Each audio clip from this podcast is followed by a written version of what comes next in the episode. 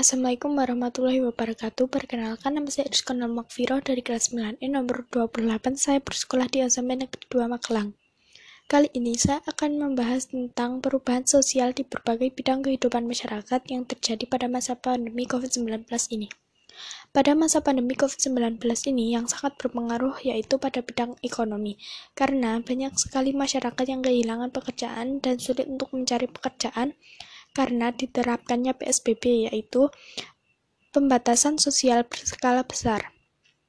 Padahal, pada masa pandemi seperti ini, banyak kebutuhan masyarakat yang harus dipenuhi selain kebutuhan pribadi dan kebutuhan untuk sehari-hari. Masyarakat juga harus memenuhi kebutuhan untuk kesehatan seperti kesehat, kebutuhan kesehatan tunjangan yaitu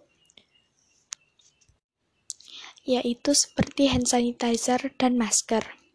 Sedangkan hand sanitizer dan masker saat ini masih mahal karena adanya penjual yang curang dengan melakukan penimbunan. Dan yang kedua, yaitu pada bidang pendidikan. Karena banyak sekali mahasiswa-mahasiswa dan siswa-siswi yang dilakukan pembelajaran secara daring dan online di rumah sehingga merugikan siswa karena siswa sulit untuk menerima pembelajaran dan sulit untuk mengerjakan tugas selain dari kendala sulit menerima pembelajaran yaitu mengenai kendala sulit untuk membeli internet karena orang tua tidak memiliki pekerjaan atau gaji yang kurang.